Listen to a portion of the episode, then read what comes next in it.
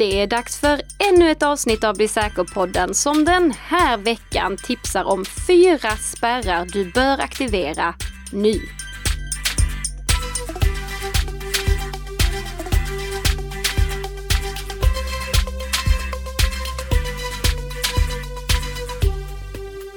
God morgon, god morgon Nika! God morgon, god morgon Tess! Och god morgon till alla våra fantastiska lyssnare som hänger med oss varje fredagsmorgon i den här podden som produceras i samarbete mellan Nika Systems och Bredband2.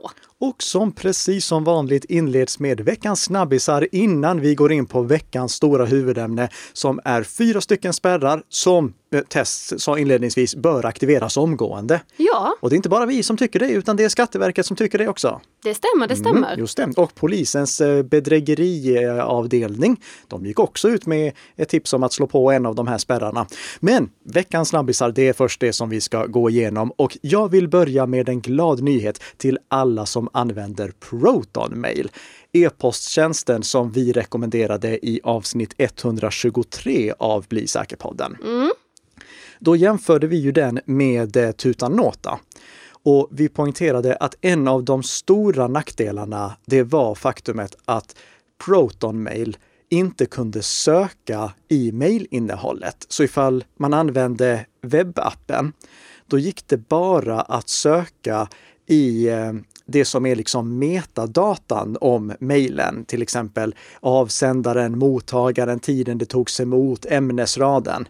Eh, tänk dig, när du har ett mejl lagrat hos Protonmail, då är det ju krypterat så att inte någon annan än du kan läsa innehållet. Proton Mail, de sparar bara mejlet i ett kuvert. Eh, Proton Mail kan inte komma åt det som är inne i det kuvertet. Innehållet i mejlet kan bara du komma åt det, bara du som kan dekryptera det.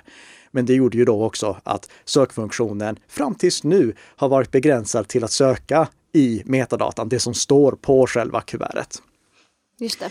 Men nu har ProtonMail hittat en lösning för att också kunna söka i innehållet i de krypterade mejlen. Ah, kul! Och det kan ju låta som att inte är tekniskt möjligt. Och ja, de kan inte göra som till exempel Gmail och Outlook, att de bygger upp ett sökindex i, eh, på servern. Utan det de gör istället, det är att de låter användaren aktivera den här funktionen om han eller hon vill. Och då laddas mejlen tillfälligt ner till användarens webbläsare, dekrypteras lokalt, för det är bara där som de kan dekrypteras. ProtonMail kan inte dekryptera dem på e-postservern. Och sen byggs det upp ett sökindex med liksom vilka ord som förekommer i vilka mejl i användarens webbläsare. Och där sparas sökindexet. Mm. Så när användaren sen söker, då söker användaren egentligen i ett sökindex som finns i hans eller hennes webbläsare. Och sen visas de mejlen som hör ihop med de träffarna som har gjorts i sökindexet. Okej. Och detta finns att använda nu då? Det finns att använda nu för alla som har eh, Visionary-prenumerationen, alltså den, den mest premiumversionen av ProtonMail. Men ProtonMail skriver att det här är någonting som de kommer rulla ut till alla betalanvändare. Eh, Det kommer då vara alltså från, jag tror det är 4 euro i månaden som är det billigaste och det kommer finnas för alla betalanvändare inom kort. Och jag ska lägga till här också att eh, Eh, tutanota, konkurrenten, deras sökfunktion är också begränsad till betalanvändare. Men de som eh, har Visionary-planen, de kan redan nu slå på den här funktionen. Det tar Alltså, för mig tog det en dryg halvtimme att eh, skapa indexet, att liksom ladda ner alla mejl och mm, skapa indexet i webbläsaren. Men sen så underhålls det automatiskt. Än så länge så synkroniseras inte det indexet på något sätt mellan olika webbläsare. Så ifall jag ansluter både från min privata dator och från min jobbdator, då måste jag bygga upp indexet i båda de webbläsarna. Och om jag tömmer hela webbläsaren, då måste jag bygga upp det på nytt. Men det, det är liksom, det är nackdelen med att eh, mejlen ligger end-to-end krypterade på Proton Mails servrar. Att då blir det lite, lite omständigare, men nu har det i alla fall blivit lite lättare när jag åtminstone kan söka. Tidigare var jag tvungen att använda Proton Bridge till exempel för att ladda ner alla mejl till en e-postklient och söka efter dem där. Men det behövs inte nu längre. Nu går det att söka direkt i webbgränssnittet och förhoppningsvis kommer det också gå att söka direkt i de nya apparna som är på gång till både iOS och Android. Härligt! Och någonting som vi har sökt eh, vidare på är ju lite statistik, för det var ju länge sedan vi pratade om det här i podden. Det var det. Mm. Så vi har ju rotat fram eh, en ny undersökning från säkerhetsföretaget Sophos på temat företag och nätfiskeattacker. I undersökningen så deltog 5400 IT-ansvariga från 30 olika länder och från Sverige så deltog 100 personer. I undersökningen så framgick det att eh, vad som räknas som en nätfiskattack varierar faktiskt otroligt mycket beroende på organisation. Alltså det finns inte riktigt en enhetlig bild av vad en nätfiskattack faktiskt är, vilket då blir ju lite intressant när man ska köra en undersökning om just nätfiskeattacker. Ja. Men hur som haver, 70 procent av samtliga respondenter svarade att de har sett en ökning av antal nätfiskeattacker mot deras organisation sedan då covid-19 pandemins start. Och om vi bara då ser till respondenterna i Sverige så svarade 83 procent att de har sett en ökning. Mm. Och det är ju ganska många. Eh, och om vi jämför med Italien, då var det bara 57 procent av respondenterna som uppgav detta. Men om man då tittar på medarbetare istället och frångår lite den här undersökningen så har ju du Nicka bland annat eh, förra veckan tror jag eh, så lade ut en artikel om att eh, om man som medarbetare får ett nätfiskemail och vad man då kan göra för att varna andra. Mm. Och då eh, uppgav du att det finns två saker som man kan göra för att anmäla nätfiske och falska webbsidor. Och nummer ett är då att anmäl nätfiskemailet som du fått till Microsoft eller Google beroende på vilken mailklient som du har. Ja. I webb och MacOS-versionen av Outlook så gör du det genom att högerklicka på mejlet i inkorgen, välja säkerhetsalternativ och klicka på nätfiske. Och i Gmail så kan du rapportera genom att klicka på de tre prickarna som fäller ut alternativmenyn i mejlet som du vill rapportera och välja rapportera om lösenordsfiske. Och om det inte går att rapportera nätfiske så rekommenderar vi att istället rapportera mejlet som skräppost, för det är ändå bättre än ingenting. Ja. Eh, kan även säga att om man nu har Proton-mail bara för att puffa lite, så kan man rapportera som nätfiskemail i Proton-mail också. Ja, det är ju fantastiskt. Eh, men i och för sig, när jag tänker efter, Proton-mail är verkligen inte bra i företagssammanhang. Vi, vi har Proton-mail på Nika Systems, mm. men vi är ju bara två stycken. Så ja, jag kan säga att det hade inte funkat bra i en, i, i en större organisation. Nej. Mm. Men, men, men det går att rapportera nätfiskemail och det, det är ju bra mm. för alla privatpersoner att veta också. Precis, mm. exakt.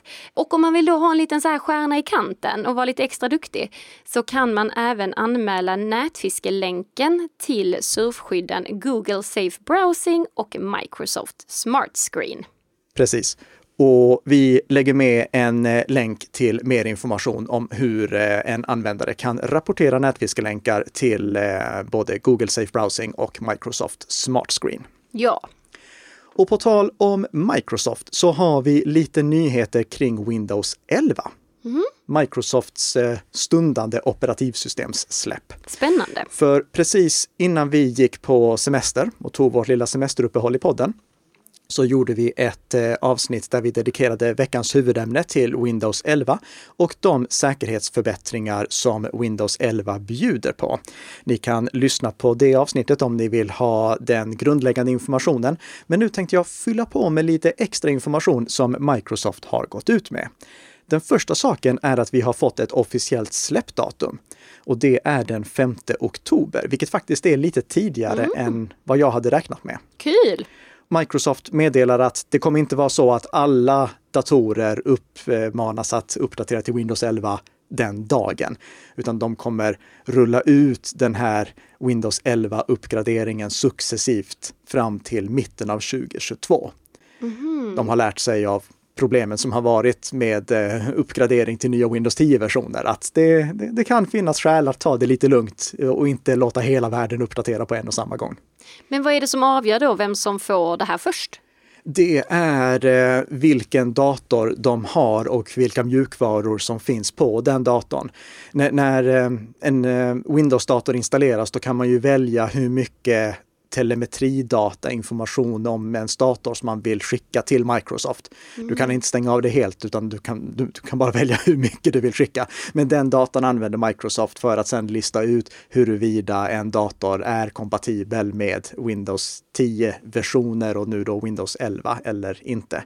Så de kommer liksom börja med att ta datorerna som de är helt säkra på att de här kan garanterat uppgraderas till Windows 11. Och sen så följer de hur, eh, hur bra egentligen det går. Men eh, det kommer och det blir då en gratis uppdatering till Windows 10 datorer. Men som vi sa i eh, vårt eh, specialavsnitt om Windows 11 så är det inte alla Windows 10-datorer som kommer kunna uppgraderas till Windows 11, utan det hänger mycket på vilken processor som datorn har.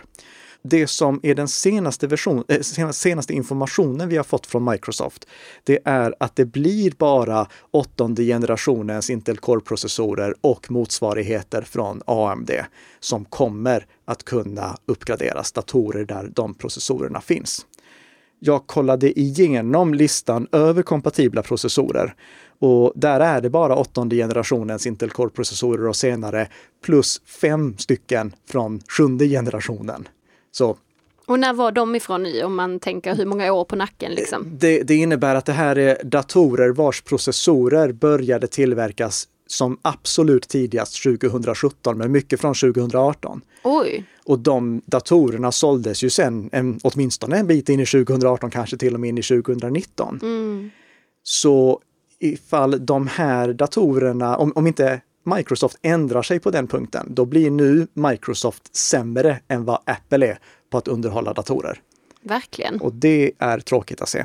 Mm. Men det, det, kommer alltså inte vara krav att uppdatera eller uppgradera, ska jag snarare säga, till Windows 11, utan man kan ligga kvar på Windows 10 även om datorn är kompatibel med Windows 11. Och Windows 10 kommer som minst att underhållas till oktober 2025. Mm. Så det, man, man Några kan år kvar. Ja, och på den tiden så kan Microsoft ändra sig flera gånger.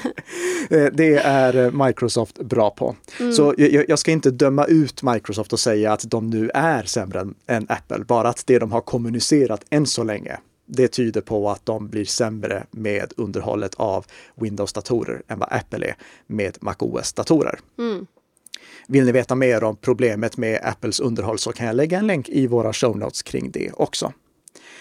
Sen så har det under veckan pratats mycket om att eh, det faktiskt kommer gå att uppdatera eller uppgradera Windows 10-datorer till Windows 11 i alla fall. Bara det att användaren måste själv ladda ner ISO-filen, själva installationsfilen och köra den på sin dator. Och ja, det verkar stämma. Men i en kommentar till The Verge säger Microsoft att om man gör det, då är det inte säkert att man får alla säkerhetsuppdateringar. Mm. Så gör absolut inte det. Det, vi kommer säkert att ha ännu mer information från Microsoft när väl den 5 oktober är här. Men som det ser ut just nu så trycker Microsoft stenhårt på att det bara är de här väldigt moderna datorerna som ska få uppgraderas till Windows 11. Resten ska ligga kvar på Windows 10. Kan ja. även lägga till att eh, nu den 5 oktober så kommer inte Android-stödet finnas med. Nej. Nej. Det, utan det kommer först senare. Okej. Okay. Ja. Jag vet inte varför Microsoft stressar ut den här nya versionen, men hur som helst, den kommer i oktober och mm. Eh, det är moderna datorer som är kompatibla och kan uppgraderas utan att riskera att plötsligt stå utan Windows-uppdateringar. Ja, spännande. Vi får mm. följa den här utvecklingen här då. Det gör vi absolut. Mm. Och inledningsvis i den här eh, podden så pratade vi om de här fyra spärrarna som alla bör aktivera. Precis. Och det är dags nu för mm. veckans huvudämne. Exakt. Då börjar vi med lite bakgrundsinformation. Låt oss säga att jag vill eh, kunna komma åt Tess eh, konto på Skatteverkets webbplats. Så jag vill kunna logga in som henne där. Då har jag två alternativ. Antingen så får jag försöka utföra någon typ av eh, nätfiskeattack mot henne. Där jag kanske ringer från Skatteverket, och, eller alltså påstår mig ringa från Skatteverket och säga åt henne att du, eh, vi måste logga in som dig. Skulle du kunna godkänna den här inloggningen med ditt mobila bank-id? Och då hade jag ju sagt nej. Ja, ja, det, och det, det, var fint sagt. Jag hade sagt någonting väldigt, väldigt elakt till, till den personen som inte alls hade varit rumsrent. men men, men du, du, är ju så, så snäll så ja. Och, och alla våra lyssnare, banken, Skatteverket, ingen myndighet ber er att logga in dem åt, alltså det, det, är ingen som ringer och säger kan ni logga in mig via ditt bank-id? Det förekommer inte. Nej. Nej. Så eh, det hade troligtvis då misslyckats. Jag hade inte kunnat få åtkomst till Tess eh, konto på Skatteverkets webbplats på det sättet. Nej, så det var lite ett klurigt sätt. Ja, men som tur är finns det ett mycket lättare sätt. Jaså? Ja, jag vet ju ungefär hur din signatur ser ut. Aha. Så jag kan ju egentligen bara ta och printa ut en pappersblankett, skriva att jag ska vara ett ombud för dig hos Skatteverket och sen urkundsförfalska din namnteckning. Så jag skriver under den, skickar in det till Skatteverket och sen så får jag då vara ett ombud för dig och kan komma åt allting som finns i Skatteverkets eh, portal som ditt ombud. På riktigt? Mm. Funkar det? Ja, tydligen gör det det. För nu i helgen så kunde vi läsa en artikel i Dagens Nyheter skriven av eh, stjärnjournalisten Kristoffer Örstadius. Artikeln hade rubriken “Så kunde IT-miljardärernas bankkonton kapas” och jag tänkte läsa ingressen för er lyssnare nu. Där står så här. Tech-entreprenörerna Marcus Persson och Martin Lorentzon, skapare av Minecraft respektive grundare av Spotify, har blivit måltavlor i en stor bedrägerihärva. Med hjälp av säkerhetsluckor hos Skatteverket och SEB har sammanlagt drygt 20 miljoner kronor kunnat överföras från företagsledarnas privata bankkonton. Hela artikeln eh, länkar vi till från våra show notes och den är mycket läsvärd, inte minst för att min idol Janne är med och uttalar sig från eh, polisens nationella bedrägericenter. Ah. Så, ja, och han var ju med i podden också och pratade om bedrägerier. Ja, det var stort. Ja, det är mm, kanske det bästa avsnittet hittills, vem vet. Eh, vi lägger med en länk till det också nu när vi har promotat det avsnittet Absolut. så mycket. Absolut. Men det, hur kommer det sig då att jo. det här kunde ske? Mm. Det var nämligen som så att Bedragarna började med att hitta ett gäng målvakter, alltså personer som var i desperat behov av pengar. Och sen gjorde de precis den här pappersattacken som jag nämnde för dig, eh, att de tog målvakterna och skrev dem som ombud för företagsledarna och fejkade företagsledarnas namnteckningar på de här papperna, skickade in det till Skatteverket och där kunde bedragarna då tillsammans med målvakterna se vilka bankkontonummer som var kopplade till respektive företagsledares skattekonto. Mm. Och sen skickade bedragarna ett gäng autogiroanmälningar till SE-banken, eh, SEB heter de nu, mm. till SEB, där de begärde att få göra autogirobetalningar från företagsledarnas bankkonton till ett gäng eh, bulvanbolag som var uppsatta. Och tydligen var det så att eh, när det kom in en förfrågan till eh, SE-banken där det var skulle vi kunna få överföra ett gäng miljoner från det här kontot till det här bulvanbolaget? Då svarade banken jajamensan. Och så flyttades pengarna över. Och sen så slussade eh, bedragarna vidare pengarna från de här bulvanbolagen utomlands och poff borta. Men det låter ju helt otroligt. Ja. Alltså det låter ju så här old school mm. Eh, sätt. Ja, verkligen. Ja. Det, det, är egentligen två stycken problem här. För det första, varför fick bedragarna åtkomst till Skatteverkets, eh, eller kontona på Skatteverkets webbplats? Mm. Och dels varför eh, gick autogirobetalningarna igenom? Vi kan börja med eh, den första saken, för den finns det faktiskt en lösning på. Numera så går det att spärra så att ingen får registrera sig som ombud via pappersblankett. Mm. Och den spärren ska ju alla slå på, tycker jag. Det är till och med eh, polisens bedrägeriavdelning gick ut med den rekommendationen nu tidigare i veckan att slå på den här spärren. Låt ingen utomstående skicka in ett papper där de har ritat någonting som påminner om din namnteckning men lika gärna skulle kunna vara en utdragen ananas och få Skatteverket till att liksom släppa igenom det. För alltså, det är klart, det är jättesvårt att hålla på och verifiera namnteckningar. Mm. Och tänk hur vansinnigt det egentligen är att en, en namnteckning på ett papper på något sätt är lika mycket värd som en e-signatur, eller i vissa fall till och med mer värd. Det finns ju situationer där vi fortfarande måste skriva under papper Ja. för, för att det på något sätt känns mer trovärdigt. Men hur kommer det sig då att den här spärren inte är påslagen som standard med tanke på att då också polisen säger nu att jo men den där ska ni slå på? Det är en jättebra fråga. Mycket av det här, det kommer ju sig av att samhället har förändrats. Om vi hade backat tillbaka 20 år i tiden, då hade det inte alls känts lika logiskt att den är påslagen som standard och sen får de som av någon anledning vill låta folk eh, anmäla sig som ombud via en pappersblankett slå av spärren. Men nu så känns det som att nu börjar det ju vara dags att slå på den. En anledning till att den inte är påslagen som standard antar jag är att det fortfarande finns för många som är i behov av att någon ska få teckna sig som ombud som inte har BankID eller som har någon annan ID-lösning. För det går att använda Freja e-ID för att logga in också. Jag tror att det är det som nu sätter stopp. Vi diskuterade det här i säkerhetsbubblan och där var det någon som föreslog att eh, ja, man skulle kanske kunna göra som så att ifall någon person har loggat in på Skatteverkets webbplats med e-legitimation, med BankID eller med Freja e-ID, då slås de spärrarna på som standard. För då vet ju Skatteverket att ja, den här personen kan logga in med e-legitimation. Det är ingenting som finns nu, kanske någonting som kommer. Men fram till dess så får ju då bara vi istället rekommendera alla lyssnare att slå på den. Och det finns en länkad artikel där jag visar så här gör du för att slå på den. Det tar tre minuter och det kostar ingenting. Du behöver bara logga in på Skatteverket med mobilt BankID eller Freja e-id, gå till ombud och behörigheter och där spärra dig eh, så att inte någon får bli ditt ombud via pappersblankett. Du kan fortfarande utse ombud via e-legitimation.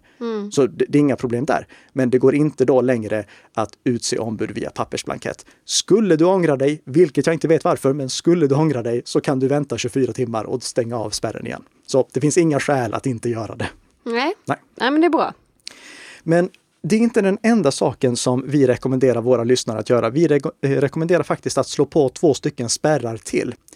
Och det är ett, eh, eh, två spärrar som förhindrar att någon byter er adress. För låt oss säga att jag skulle vilja utföra ett ID-bedrägeri mot Tess. Då hade det varit väldigt praktiskt ifall posten som skickades till henne inte gick hem till henne utan istället till någon helt annanstans där jag kan ta emot posten istället. Ja. Ifall Tess inte har slagit på den här spärren, då kan någon ändra folkbokföringsadress och postadress för Tess via en pappersblankett med en förfalskad namnteckning. Jag måste slå på detta innan det här eh, avsnittet går live, Nicka. Ja, och, och eh, jag kan glädja dig med att det tar ingen tid alls, eller nästan ingen tid alls att göra. Och det kostar ingenting. Det tråkiga är att du måste göra det på två ställen. Det är därför det Jaha. är två spärrar. Du måste dels logga in på Skatteverkets webbplats och låsa så att ingen kan byta din folkbokföringsadress via papper. Och sen måste du gå till adressändring.se logga in där med, eh, de har inte Freja e-id utan det är bara med mobilt bank-id. Och där loggar du in och låser din postadress, aktiverar det de kallar eh, adresslåset. Ah, okej. För folkbokföringsadressen, den håller Skatteverket koll på. Och postadressen, den håller Postnord och Citymail koll på. Adressändring.se drivs av Postnord och Citymail. Men de spärrarna är inte synkroniserade. Mm. Så du måste slå på båda. Okej, men det är lätt ändå att göra. Ja, det tar mindre än fem minuter. Den sista saken, det är kanske inte en spärr, men en, en typ av spärr. Det hör ihop med det här. Och det är att skaffa en digital brevlåda ifall du inte redan har det. För om du liksom tar emot myndighetspost med vanliga brev, alltså fysiska brev, då finns det två stora risker. Den första risken, det är att en eh, bedragare fiskar upp breven ur din brevlåda. Mm. Och det andra, det är att du får ett brev som ser ut att vara från Skatteverket, men som i själva verket inte är det. Utan det är bara någon som har printat Skatteverkets logga på ett kuvert och skickat till dig. Ja. Och man kan ju tänka, ja, det, när, när vi får mejl, då är vi ju vana vid att vi ska inte lita på att det här kommer från rätt avsändare bara för att det står Skatteverket, utan vi ska granska det noga. Mm. Men tänk efter, det är egentligen mycket lättare att på ett bra sätt förfalska ett pappersbrev än att på ett bra sätt förfalska ett mejl. Du har så många bra tips idag till bedragare, Nicka. Jag känner det. Jag börjar bli lite orolig. Ja. Så eh, vi kan ju inte egentligen på något sätt lita på att ett brev som vi får hemskickat till oss faktiskt är från den avsändaren som står. Nej, det är sant. Så ta istället och skaffa en digital brevlåda så får du all din myndighetspost dit. Det som skiljer en digital brevlåda som till exempel Kivra eller Min myndighetspost från vanliga mejl, det är att det är ett kontrollerat flöde som alla meddelanden skickas genom i fallet med digital brevlåda. Så en bedragare kan inte förfalska sin avsändare när mejlet eller brevet kommer till din digitala brevlåda på det sättet som vi ser att bedragare gör med vanlig e-post. Mm. Så det skulle jag också rekommendera alla att göra om ni inte redan har gjort det. De här fyra rekommendationerna, det är för övrigt fyra rekommendationer som också finns på Skatteverkets webbplats. Det här är de fyra sakerna som de rekommenderar att medborgare vidtar för att skydda sig mot ID-bedrägerier. Vi kommer nästa vecka troligtvis att prata mer om eh, sådana här ID-bedrägerier. Men innan vi avrundar veckans avsnitt, då skulle jag bara snabbt vilja kommentera det här med autogiro också. För vi ska inte glömma att inget av det som vi har sagt än så länge skyddar mot själva autogirodelen av attacken som vi nämnde inledningsvis. Just det. Vi behöver inte vara lika oroliga för den nödvändigtvis för att bankerna skyddar oss. Det är ju banken som har gjort fel ifall de har accepterat en förfalskad mm. autogiroanmälan. Men det är ändå jobbigt att råka ut för det. Så för att skydda oss mot det, då skulle jag ju för det första rekommendera att eh, hålla koll på autogirodragningarna. Det är ingenting som skyddar perfekt, men det gör i alla fall någonting, precis som jag rekommenderar att man kollar igenom vilka transaktioner som har skett, eh, som har skett på kortet. Kolla igenom vilka autogirodragningar som görs varje månad. Mm.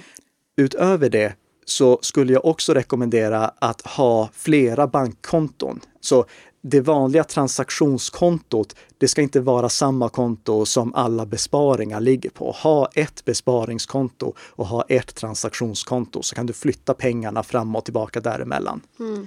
Och sist men inte minst, ifall vi går över mer till att använda e-faktura istället för autogiro, så kommer det här problemet att försvinna. För autogiro, det tillkom ju i stor utsträckning för att det var så jobbigt att hålla på med pappersfakturor. Ja. Eh, nu när vi har e-fakturor som liksom bara går in automatiskt och vi godkänner så är behovet av autogiro betydligt mindre. Så på sikt kanske autogiro till och med blir någonting som man måste slå på ifall man vill tillåta överhuvudtaget. Det, jag kör ju allting via e-faktura nu det, det, är ingenting som skyddar mig mot en sån här attack för att bedragare skulle kunna teckna ett falskt autogiro i mitt namn i alla fall. Men det, på sikt så kanske autogiro försvinner till förmån för e-fakturor som man måste gå in och godkänna en gång per månad. Mm. Så det är väl de rekommendationer som jag skulle vilja ge i samband med det här för att skydda sig mot den andra delen. Men det viktigaste, det var de här fyra spärrarna som vi gick igenom nu. Alltså först och främst, se till att inte låta någon teckna sig som ombud för dig på Skatteverkets webbplats via en pappersblankett.